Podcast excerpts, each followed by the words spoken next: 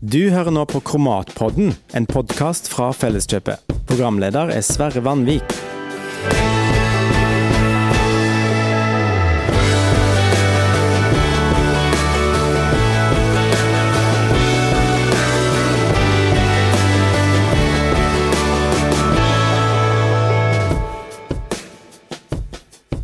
Da ønsker vi velkommen til Kromatpodden. Eh, I dag er vi tre karer som har samla oss her i Etne for å snakke litt om eh, vask og desinfeksjon av eh, kyllinghus.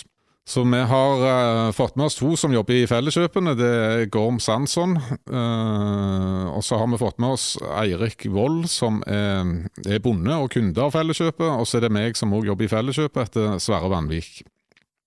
Jeg tenker vi kan begynne litt med en liten presentasjonsrunde. kanskje Eirik kunne sagt kort litt om seg sjøl? Ja, det var Eirik Vold i Frennesøy. Jeg driver da med melkeproduksjon, eh, slaktekylling og tomat. Og så har jeg, eh, går jeg rundt og uh, desinfeksjon av kyllinghus i tillegg. Jeg og Svein til da, i lag. Det har dere holdt på med en stund, eller? Ja, vi har vel holdt på i to-tre år iallfall med det. Så det er mye på Jæren, eller i Ryfylke og Jæren, og en del på Østlandet har vi vært. Ja. Og Gorm fra Felleskjøpet Fòrutvikling, eh, hvem er han? ja, som sagt, Gorm Sansson, utdannet veterinær og har jobba i Felleskjøpet Fòrutvikling siden 2011. Og i 2000, høsten 2016 gikk jeg over i en stilling som veterinær for Felleskjøpene i Norge, med hovedområdet da, på eh, egentlig alle dyrearter, men mest på fjørfe og svin. Så eh, det med desinfeksjon er jo noe vi skal komme tilbake til årsaken til at vi driver med, men eh, mm. det, det, er også grunnen til at jeg sitter her. Og jeg heter Sverre Vanvik. Jeg jobber i Felleskjøpet Rogaland Agder uh, som fagleder, så jeg har uh, ansvar for, for, salg, men er òg på en måte bindeleddet mellom oss i Felleskjøpet Rogaland og, og fòrutvikling, som, som Gorm jobber med. da. Da tror jeg bare vi kjører i gang med, med, dagens tema, vask og desinfeksjon av kyllinghus. Uh, vi tenkte at vi begynte med at uh, huset er tømt og, og, og kyllingene er reiste. Uh, vi står igjen med et, et tomt hus, og, og, det første som skjer da, er vel utkjøring av gjødsel. Så eh, du Eirik, hvordan er det du går i gang når du skal begynne med, med dette? Ja, det er det som er eh, Når vi har forklart når kyllingene er ute, så, så, er det viktig å få ut skiten så fort som mulig. Få det ut av huset. Og så er det jo eh, skraping og tørrrengjøring, altså blåse med eh, løvblåser. Få ned all støv. Mm. Uh, spesielt i um, sprekker. I, langs vegger, i bryster, så er det alltid store sprekker. Få opp alt skit og alt spøna. Få det vekk fra sprekker. Sånn at det slipper å stå og spyle oppi det. Mm. Ja, for det er vel noe der at en må få ut mest mulig før en begynner å hive vann på dette her? Ja, det er jo det beste. Få vekk alt, alt smuss og skit og, og spøna. Mm. Det er jo det beste å få alt vekk før vi begynner å, å spyle og blande inn vann, for å si det sånn. Det er jo det. Men, men før du begynner med løvblåser og sånn, så er det vel eh, maskiner som er i sving? Kan du ja, si litt da om kan du bruke traktor eller, eller minilaster eller et eller annet og med god skuffe og, og, få ut dette her. Få det vekk ifra huset. Eh, skrape godt rent gulvet. Det er viktig å få vekk alt eh, Ja, hvis det er noe som henger i gulvet. Mm. Det er viktig. Få det vekk. Og når det er klart, når du har fått ut skiten, så er det viktig å kjøre over med løvblåsene igjen og, så, og få vekk alt støvet, få det ned på gulvet, og koste det etterpå. Mm. Og når, klart, når du er ferdig og har fått ut alt eh, skiten og alt det der støvet og alt sånn, så er det på med eh, befuktningsanlegg hvis du har det, eller bløtlegging på et eller annet vis. Bløyte huset. Ja sånn at det blir klart til, til vask. Mm. Hvor lenge bløyte du? Nei, jeg ble bløyta 12-15 eh, timer, det er alt etter. Men det blir fort bløtt, og det blir fort løse seg. Ja. Jeg har, jeg har sånn befuktningsanlegg, så jeg bare setter det på når jeg er ferdig. Og så står det på til, til dagen etterpå, og så, så begynner jeg å vaske da. Mm. Det utstyres inn i kyllinghuset. Hvordan håndterer du det før du begynner å bløtlegge? Tenker på fòrrekker, vannrekker, eh, hyller og eh, bruer og forskjellig. Ja, kan du si at det som er viktig før, eh, før vi begynner å bløtlegge, det er at alt fòrsystemet er tømt for kraftfôr. Alt må være vekke, må være tomt. For å begynne å bløtlegge hvis det er mye kraftfôr i skruene i skålene og sånn, det er jo ikke akkurat noe bra når du skal begynne å spyle på dette. Nei. Og ikke minst at hvis det ligger noe kraft igjen i skruene, så er jo ikke det bra, for det vil jo trekke til seg fuktighet og lage ei dårlig drevje, for å si det sånn. Så det, det må ut, alt sånt. Alt av fôr. Alt I fôr, anlegget. ja, alt av fôr i anlegg, det må tømmes Mm. før vi begynner å bløtlegge. Og før vask, for eksempel. Men det er, det er vel noen regler for det, hvor lenge de kan stå uten mat før en uh, sender Ja, disse? ja, det er det jo. Ja. Hvor lenge er det? Eh, Altså, det er jo tolv timer som skal gå maks gå ifra de er tom for fôr til de skal slakt. Mm. Det er det.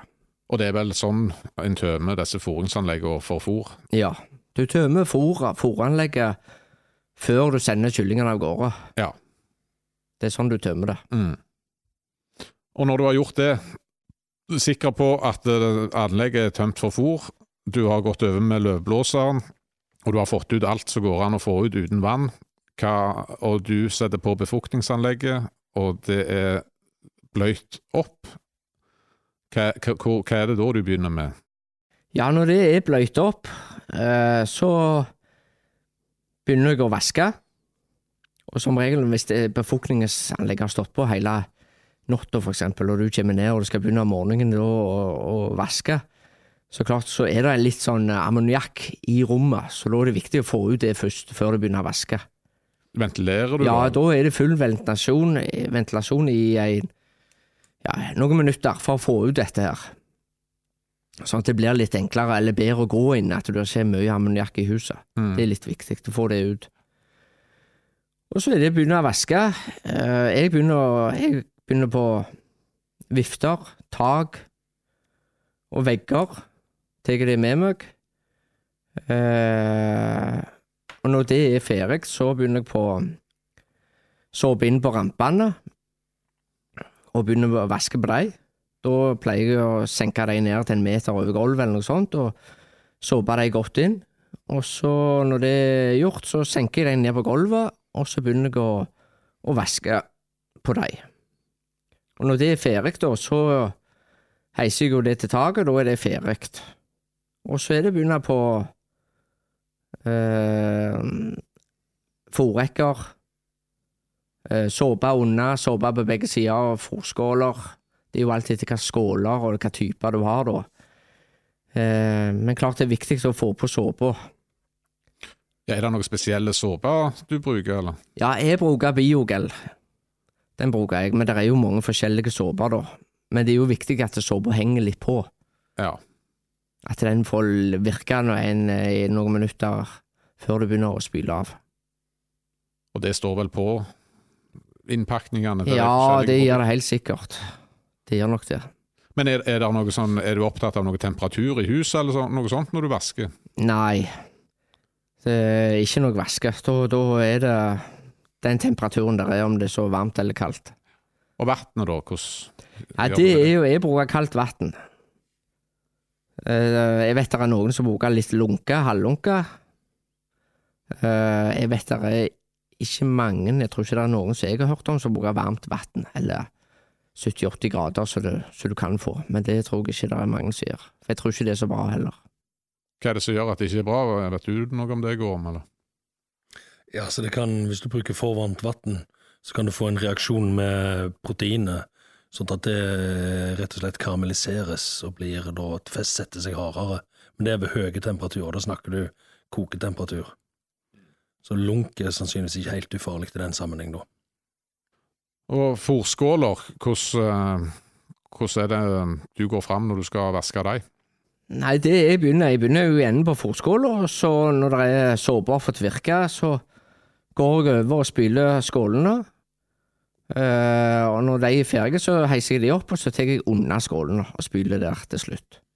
Men der er jo mange forskjellige skåler. Noen legger de på høykant, så du spyler ene sida, og så spyler du unna, kan du si, når de henger loddrett. Mm. Så det er jo litt forskjellige måter å gjøre det på, da. Men uh, det er viktig å spyle unna skålene og oppi, for å få rent, og bruke såpe. Og når du er ferdig med det, så er det jo videre på vannrekker, såpe det inn, eh, og la det få virke, og så pleier jeg iallfall når jeg har såpet inn eh, vannrekken og det, så er det jo mye såpe på gulvet.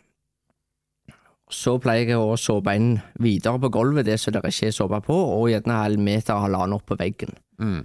Såpe det godt inn, og det får virke. Og så kjører jeg over med en, en kost som vi har på minilastene, for å skure gulvet, kan du si. Eh, når det er ferdig, så pleier jeg å eh, senke ned fòrrekkene, nei, vannrekkene, og så vaske de. Der har jeg sånne vasketraller som jeg kjører gjennom med. Ja, hvordan er det den ser ut? Nei, det er ei, ei tralle med mange dyser som vasker vannrekka både begge sider og under og oppå på en gang. Ja, så du bare drar den bortover eh, mens du er rundt vannrekka Ja. med disse dysene og Stemmer kommer det. inn fra alle kanter. Ja. Ja. Mm. Så, det, så den går med begge veier på, på ei vannrekke. Eh, når det er klart, da, så heiser jo de opp. Eh, og når det er klart, så begynner jeg å jobbe på gulvet og, og vegger. Tar det. Hva, hva er det i grunnen med vaske, hva er det som skjer når vi vasker, Gorm? Hva hva er det vi vil ha eh, ut, bortsett ifra Er det noe vi ikke ser som, eh, som vi får med oss når vi, når vi driver og vasker disse husene? Ja, du kan spørre, du. Men uh, det jeg kan si, er at uh, det først og fremst er det mekanisk fjerning av, uh, av rett og slett forurensning, da. Som er, kan være stort sett er organisk materiale, men der er det også mye bakterier, virus og parasitter. Altså alt som kan gi sykdom. Kan også være biller, for den saks skyld. Og dette får vi da ut mekanisk, og i tillegg så er det da i såpe så vil det da være eh, stoffer som løser opp fettmembraner, som gjør at mange virus og bakterier tåler dårlig såpe. Så da kan du også fjerne ganske mye, og til og med encelleparasitter tåler dårlig såpe. Så du kan fjerne ganske mye av, av en, del, en del av de potensielt sykdomsfremkallende stoffene da, som ligger inni fjøset, med å bruke såpe på en fornuftig måte. Så det, jeg vil si at så mye som et sted mellom 95 og 99 prosent av problemene kan, som er overfladiske i hvert fall, klarer du å fjerne med såpe og vask. Men så er det jo det som er igjen etterpå, da. Og etterpå, da, ja. Da begynner vi å nærme oss ferdige med vasking. Er der, eh, hva, hva er det du tar til slutt, og er det noe annet vi ikke har nevnt som en bør innom når det er snakk om vasking? Ja, det jeg pleier alltid å gjøre, det er å ta støvler og bytter og andre ting, redskaper som du har. Ta Vask det før du tar gulvet. Gulvet skal være det siste. For når du holder på å vaske ting, så, så, så gjør du det på gulvet.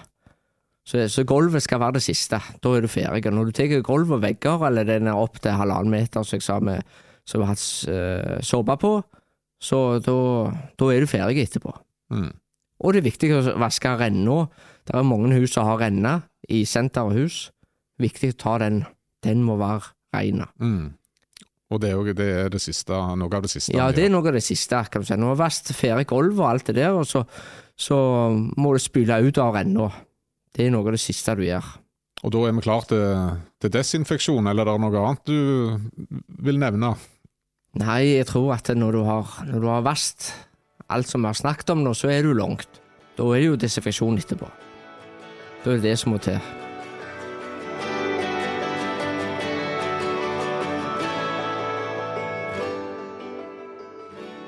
Eh, Venter du lenge etter du har vasket før du begynner med det, eller hvordan? Nei, altså når vi, klart, når vi har vært rundt og, og kjørt desinfeksjon mye i hus, så har vi funnet ut at eh, det beste er at eh, kjøre desinfeksjon når du er ferdig å vaske. Ikke vent mange dager. Hva som gjør det at du er så ofte? Nei, det er temperatur. Tross alt så er det litt temperatur i huset når du er ferdig å vaske. Eh, og så òg at alt er gjennombløtt. Alt er fuktig. Ja. Da er det mer Altså, da er det mer aktivitet i huset, både bakterier, virus og alt mulig. Da er det aktivt, istedenfor å vente og tørke ut huset, og så kjøre desinfeksjon. Mm. Det er bedre å ta det, ta det med en gang. Det har iallfall vi funnet ut, at det er stor eh, forskjell på det. Ja, har dere prøvd forskjellige ting? Ja, vi har prøvd forskjellig. Vi har kjørt desinfeksjon når det var tørre hus, har vært tørre lenge, men det var lite virkning i det. Mm. Så det, det beste er å gjøre det når det er rett etter vask. Da er huset, så som jeg kaller det, aktivt, med bakterier og virus og alt mulig. Da er det da du må ta ting, istedenfor å tørke det ut, og at eh, bakterier og alt mulig går i hi, som jeg sier. For går det i hi, så har du mye mer problemer med å ta, ta det. Gorm, gjelder, det- gjelder det alle desinfeksjonsmidler at en skal ha så tett opp til vask som mulig når en kjører de inn? Jeg skal ikke så være forsiktig med å generalisere, men mitt inntrykk er at hvis en, eh, hvis en gjør dette når det er veldig fuktig, så er vann eh, et bra bærestoff for å få fram desinfeksjonsmiddelet. Mm. Og hvis da bakterier, virus og parasitter ligger i et fuktig miljø, så tror jeg det er en god måte å få desinfeksjonsmiddelet fram dit det skal. Så jeg tror det de har observert praktisk her, er en helt reell sak. Og hvordan en skal forklare det, jo så sin sak, men akkurat det han sier som en praktisk erfaring, tror jeg er veldig reelt og riktig. Mm. Er det noen som vet hvor, hvor mange desinfeksjonsmidler har vi å velge i når en skal desinfisere fjørfehus? Ja, Det finnes en rekke klasser med desinfeksjonsmidler, men det viser seg at noen er mye mer effektive enn andre. Så til sjuende og sist så sitter du igjen med en fire-fem hovedklasser med desinfeksjonsmidler, og det er desinfeksjonsmidlene som er på markedet ofte en blanding av både to og tre av disse klassene. Ja, hva, det, hva, hva klassifisering er det de eh, Ja, Du har altså formaldehyd og glutaraldehyder i en klasse, f.eks., og så har du oksidative midler i en klasse, altså oksiderende midler, da. Og så har du f.eks. Eh, ammoniumforbindelser i en klasse, da, overflatemidler. Så det, det er en rekke sånn så du kan gruppere det inn, da. Og gjerne kombinerer du det da, sånn at eh, et overflatemiddel som åpner opp eh, porer og overflater, sånn at andre desinfeksjonsmidler kommer bedre til, er gjerne en god kombinasjon, og så videre. Så du har en rekke av disse kombinasjonene da, rundt omkring. Ja, Har du et eksempel på en sånn kombinasjon som er fine? Ja, desinol eh, glutaraldehyd sammen med en ammoniumforbindelse, eksempel kvaternær ammoniumforbindelse. Og så har du jo eh, det virusid, da, hvor du blander flere, hvor det både er Jeg mener det er både glutaraldehyd, og så er det ammoniumforbindelse, og så er det et overflateaktivt stoff, mener jeg, uten at jeg husker det i detaljer, da. Men altså, som sagt, flere av de er blandingsforbindelser. Mm. Ja, er det sånn, Bør en veksle litt rundt på desinfeksjonsmidler, eller, eller uh, kjøre en, et desinfeksjonsmiddel over tid? Jeg tror det er lurt at en over tid iallfall bruker litt forskjellige desinfeksjonsmidler. Uh, Fordi at flere av de vil nok gi en resistens hos f.eks. bakterier og virus som vi vet litt for lite om, men de vil nok gi det flere av de over tid. Så det er en klar fordel hvis en f.eks. ikke mer enn i ja, la oss si maks fire-fem innsett bruker eksakt det samme. At du da gjerne har vært innom et og annet annet Mm. underveis. Ja. Sånn at du ikke bare ligger på det samme hele tida. Det, det kan kanskje Eirik si litt om òg? Ja, jeg tror nok det er viktig å ha litt, bruke litt forskjellige. Eh, som sagt, når vi er rundt, så bruker vi mye formalin. Men det er jo noe Klart, når vi er og kjører formalin, så er det jo mye problemhus. Store problem. Det har et skikkelig store problem. Og klart, da bruker vi sterke midler for å renske opp huset, for å si det sånn. Og mange ganger så må vi gjerne ta to ganger, eller to innsett etter hverandre for å få, eh, få det ned til et akseptabelt nivå. Smittepresset, rett og slett. For vi har sett det mange ganger at vi kjører for eksempel formalin inn, og eh, innsettet etterpå går bra, og så kommer neste innsett der igjen. Da smeller det. Da er det på'n igjen. Og det er tydelig at det viser at det, du klarer ikke ta det alt alltid. Du må gjerne ta formalinbehandling for eksempel to ganger etter hverandre for å få, få det ned på et eh, greit nivå. Mm. Så du, har, du har jo formalin, du har desinol og virusid. Eh, ja, og du har òg neopredisan, som blir mye brukt. Eh, og klart, det er alle, det, det virker, men det er jo noen stoffer som ikke virker så godt mot enkelte ting. For eksempel krås, NE. Mm. Så må det nok til med noe litt hardere skyts, rett og slett. Hvis det er problemhus. Ja. Og det er vel ofte da dere kommer inn i bildet òg, hvis det er problemhus og gjerne har vært over litt tid eller noen innsett. Eh, Eller er dere mye rundt um, i hus som, um, som tilsynelatende går greit? Nei, det mesteparten er jo det når det er store problemer, at vi kommer inn. Mm. Det er jo det. Det er mye da. Eh, vi har noen hus som er gjerne én gang eller to i året, bare for å At de vil bruke noe annet. Ja, for å veksle litt Ja, for å det, veksle litt det de på- normalt bruker. Ja. Ja. Men klart, da kjører ikke vi den høgdosen som vi gjør når det er på problemhus. Da kjører vi en annen dose. Men, Men- men når dere er rundt, dere bruker ikke dere noe brent kalk eller noe sånt òg? I noen tilfeller, i alle fall. Jo, stemmer det. Vi bruker brent kalk som vi legger i, eh, i sprekker. Langs vegger. Så bruker vi det. Mm. Og andre sprekker som vi finner da. Så legger vi i eh, brent kalk. Og eh, så dusjer når vi har lagt ut det brentkalken, så dusjer vi på med vann. For du får en reaksjon, en varmekjedereaksjon da, som virker veldig godt. Hva er det som skjer når denne reaksjonen skjer, når en tilfører vann på brent kalkorn? Ja, det du egentlig har gjort når du har lagd brennkake, er at du har brent ut vannet. Og når du da lar det reagere med vann igjen, så vil vannet bli tatt opp av kalken igjen, og den- under voldsom avgivelse av varme. Det kan bli flere hundre grader varmt når du har på nok vann og kalk. Og så, eh, og så etterpå det som ligger igjen da, er det vi kaller hydratkalk. Og den har en voldsom høy pH, en pH på 14. Og høy pH i seg sjøl vet vi kan skade arvestoffet f.eks. i bakterier og virus. Så det kan være en god måte for å ta ut f.eks. bakterier og virus har klart å gjemme seg i sprekkene sjøl etter både varmeutvikling og alt. Eh, som f.eks. spordannende bakterier eller spordannende parasitter. Så kan du ta det ut. Og I tillegg så har vel dere observert at det er noen biller som ikke liker den varmen. Ja, det stemmer. Vi har vært i noen Det er vel helst kalkunhus der er mest problemer med sånne melbiller, og det er, de klarer ikke formalin å ta, rett og slett. De er hardbarka som bare det, og det- men eh, bruker du kalk, så tar du dem med umiddelbart, faktisk. Så de tåler ikke det. Så kalken er jo veldig god til desinfeksjon. Mm. Men kalk er eh, Det er voldsomt, det er voldsomt støvete. Så det er noe Du må bruke maske når du hiver hive det ut og slik. Og så kan det være litt uh, klatte når du skal mm, vaske neste innsett, kan du si. At det ligger litt kalk nede i sprekkene, og det ligger og flyter overalt. Men det er jo ikke noe krisekalk. Ikke noe skadelig sånn sett. Nei. Så om det ligger igjen, så har det ingenting å si. Det går fint. Men når en har kjørt inn disse desinfeksjonsmidlene, da skal det eh, skje litt eh, ting etterpå òg. det, det skal ut igjen, dette her, når det har fått virke den tida det skal. Ja, det, det er det. Da, da skal jo dette luftes ut. Det er jo alt etter hva, hva stoffer eller hva desinfeksjonsmiddel du bruker, da. Eh, For eksempel formalin, så må du må ha iallfall fem dager med utlufting før eh, innsett, da. Eh, For det er litt verre å få ut av huset istedenfor Disinol og Virosid, for eksempel. Så det er stor forskjell på det. Med formalin da må du hjelpe til litt med temperatur òg. Ja, så må du ha litt temperatur på formalinen for å få dette ut av, av rommet, rett og slett. Hva dere anbefaler når dere er rundt? Nei, når vi, jeg sier når vi kommer og skal kjøre det- desinfeksjon, så vil vi ha ja, rundt et 25 grader i huset, og alt skal være bløtt. Det er det beste. Eh, så bruker jo vi en sånn en uh, varmtåkemaskin som vi kjører inn i huset. Og så begynner vi alltid i enden av huset, kan du si, og så fyller vi hele rommet med tåke.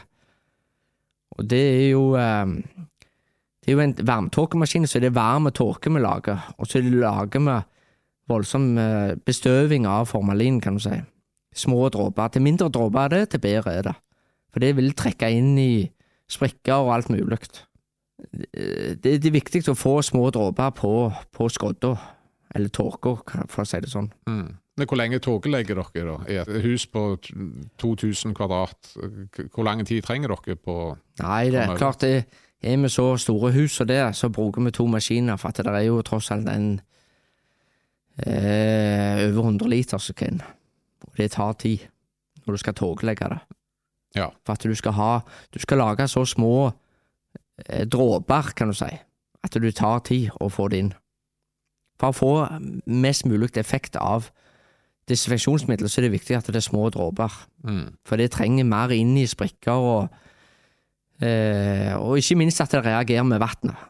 At det er med å trekke den inn i sprikker med vannet, kan du si. Ja, når en først har brukt tid og, og, penger på dette, så er det jo lurt å, å, å, å ta den ekstra tida og sørge for at det blir fin forstøving av Ja, det er det. Det er skikkelig viktig. Men det er viktig med andre desinfeksjonsmidler òg. Om du bruker Disinol, eller om du bruker virusid, eller samme hva det er. Så det er viktig at du gjør at det er gode forhold i huset. Noen skal jo ha 20 grader, noen trenger ikke ha mer eller 5 eller 10 grader. Det er alt etter. Men det er viktig å ha, legge det opp til det. At du bruker eh, rette temperatur og, og, fuktighet i hus. Det er viktig. Men vi har iallfall funnet ut at fuktighet i hus har mye å si, samme hva eh, middel du bruker. Alt er fuktig. At det renner vegger og tak og, og gulv, det gjør ingenting. Men det trenger ikke akkurat ligge putter og dammer, det er ikke nødvendig. Men eh, så fuktig som mulig er bra. Mm.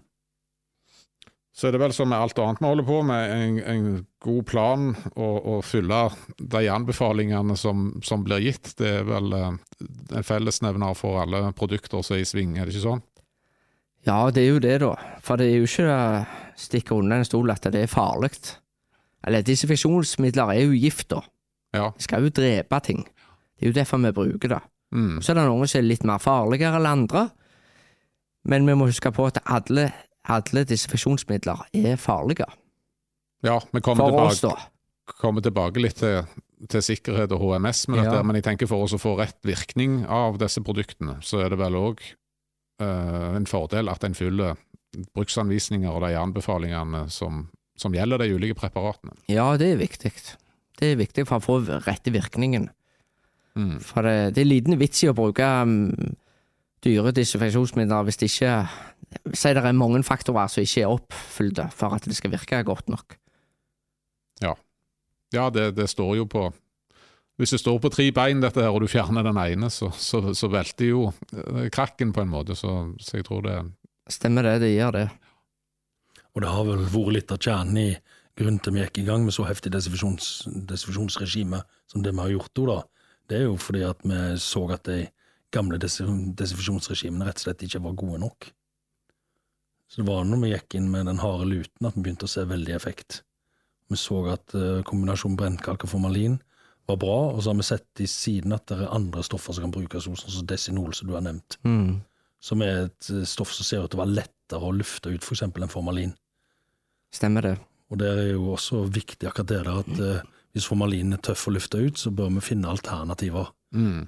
Og, eh, og jeg håper jo det kommer andre alternativer nå innenfor desinfeksjonsmidler som kanskje har en litt bedre HMS-profil enn det formalin og, og, og glutaraldehydpreparatet har, da.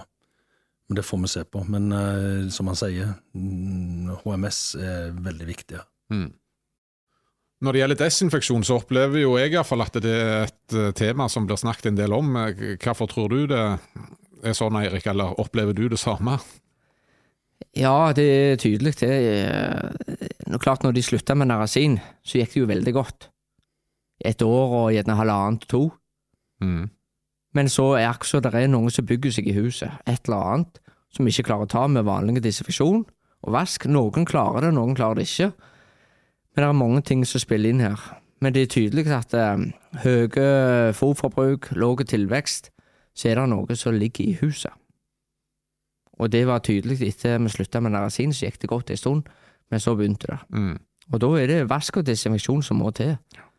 Og av og til så må vi til med noen sånn kruttsterke desinfeksjonsmidler for å få komme ned på et greit nivå Mm. i huset. Du Gorm, har du noen tanker rundt det? Ja, jeg tror det er veldig bra observert av Eirik, akkurat det han sier der, at eh, etter narasin forsvant, så er det noe som har skjedd.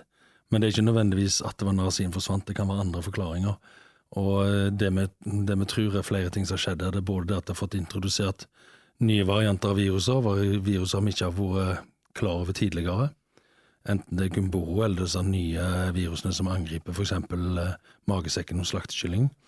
eller det er andre varianter av bakterier som har oppstått da, i kjølvannet at han kutter ut sterke antibiotika opp i avlspyramiden. Så har han da fått eh, andre varianter av E. coli, kanskje også av Clostridium perfringens. Varianter vi ikke har hatt tidligere, da, som har andre egenskaper, som da eh, ikke nødvendigvis er en fordel for kyllingen. Og dette må vi da klare å finne måter å håndtere på. Og I tillegg, da, når du har tatt ut narasin, så risikerer du også at det blir mer av f.eks. enceller parasitter, koksidier, som vi ikke har hatt tidligere, og i et nivå en ikke har hatt tidligere òg.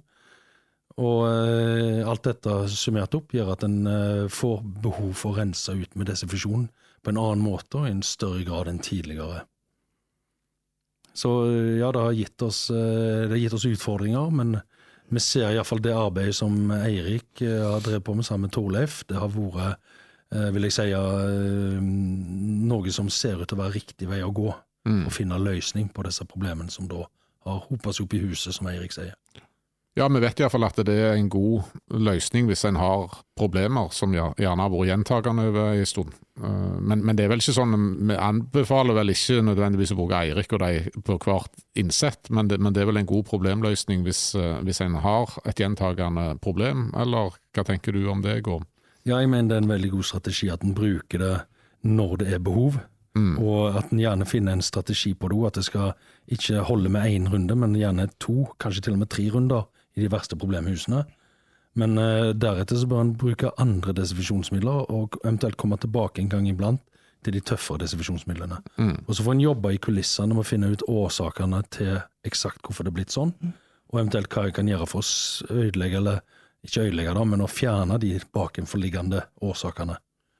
Yes, jeg lover, vi har vel vært gjennom det meste av desinfeksjon, eller er det noen som har noe å, å tilføre?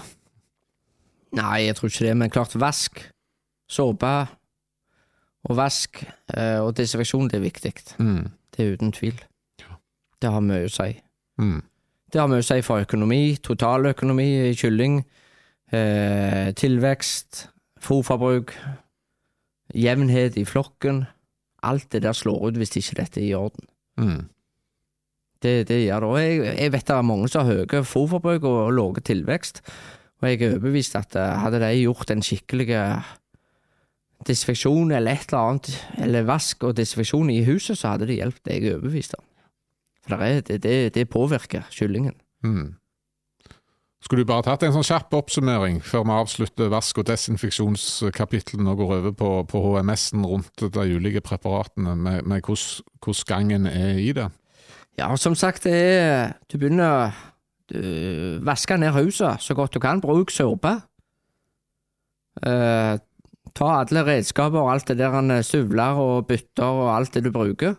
Vask det, og så tar du gulvet til slutt og renner. Eller sluker hvis du har det. Vask det rent. Og platting uføre hus og Ja, det som hører med. Gjør det, og så er det, vil jeg anbefale på det sterkeste bruk desinfeksjonsmidlene umiddelbart etter vask. Ikke la det tørke opp huset. Det er alltid hva du skal bruke, men la det være bløtt i huset. Og det skader ingenting at du er ferdig å vaske om kvelden. Bare kjør desinfeksjon med en gang. Det går helt fint. Det går, det virker mye bedre, faktisk. Det har iallfall vi funnet ut, og jeg vet det er mange som gjør det. Yes, vi stoler på dere. Ja, ja, det er iallfall noen sånne erfaringer som vi har gjort. Ja. For vi, vi brukte formalin i huset i mange, eh, mange ganger, men vi så at virkningen ikke var sånn som vi ville. Mm. Og så begynte vi å gjøre det rett etter vask, og da snudde alt. Så det, det, det har mye å si at det er fuktig i huset. Det er akkurat som det er mer aktiv eh, det, det er aktiv hus. Og da er det mye enklere å ta bakterier når de er aktive, istedenfor at de går og legger seg i hi, som jeg sier. Da har du et problem, for du klarer ikke å ta dem da. Mm. De kapsler seg inn, alt mulig, og da Du klarer ikke å ta det. Støtter den, Gorm. I høyeste grad.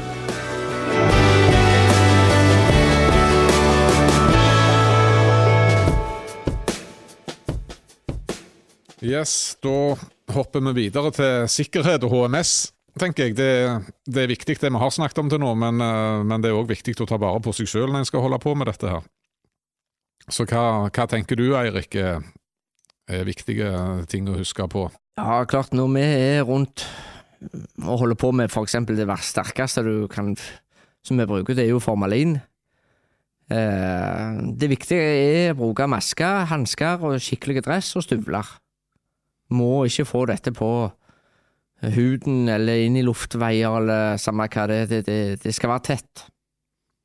Det må det være. Men det gjelder alle desinfeksjonsmidler. Det gjelder Disinol, Verosid og Neopredisan. Det er farlig. Mm. Eh, Det som er litt med det, de svake eh, stoffene, det er at eh, du klarer gjerne å gå inn i huset, for eksempel, litt. Men det er der for det, men det er ikke så sterkt, og du, du, men du får det i deg for det. Mm. Så selv om samme hva du bruker, så bruk masker og hansker, støvler og alt. Det er viktig, samme hva du bruker. For det, det, er, det er farlige stoffer. Hva er det det gjør med oss, Gorm, hvis vi blir eksponerte for dette?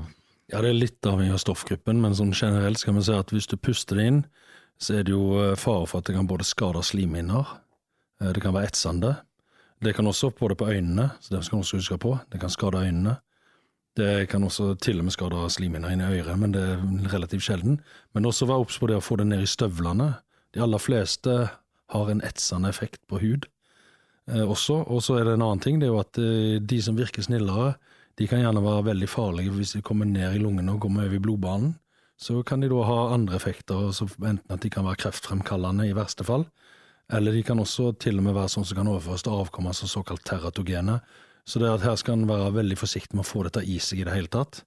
Og akkurat sånn som han sier, Eirik, bruk masker, og bruk riktig filter på maska òg. Mm. Sånn at det her er gjort korrekt, og at en unngår rett og slett eh, å få dette inn i seg. For det som han sier, alle desinfeksjonsmidler er giftige, og det er derfor vi bruker de. Og det betyr at de også kan ha potensielt skadelige effekter for oss. Så det er selvsagt litt forskjell mellom stoffklassene.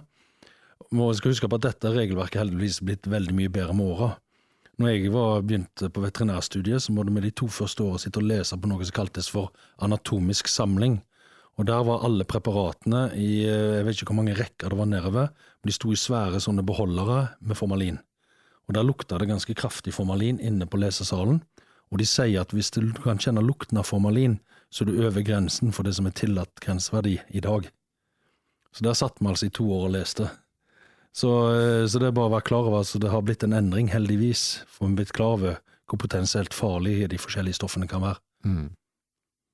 Og Det er veldig viktig å ha med seg. Og sånn som eh, det etseskadene med flere av de andre preparatene nå, det er ikke noe å le av. Det er folk som har fått permanente hudskader på føtter og, og, og armer og, og fingre, altså. På grunn av at de har fått det ned i hansker eller i støvler og Så, videre. så det er, det er giftige stoffer. Ja, jeg er helt enig. Det er, det er, det er giftig, og det, vi skal jo drepe noe. Det er jo derfor vi bruker det. Mm. Så det, det er farlig. Så jeg eh, Det er viktig å bruke masker eh, og alt det der. eh, Masker, hansker, dress, ikke minst. Og så må vi huske på, eh, hvis vi tar fram for eksempel formalin, den går jo mye på etsing. Du kjenner det på slimhinner, nese, øyne, umiddelbart. Du har ikke kjangs å gå inn. Men så kan du ta andre stoffer, virusid, desinol.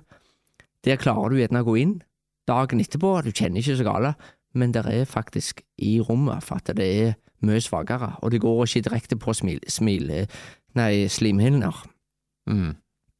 Men det ligger klar for det å angripe deg, selv om, det ikke, selv om du klarer å gå inn i rommet, faktisk.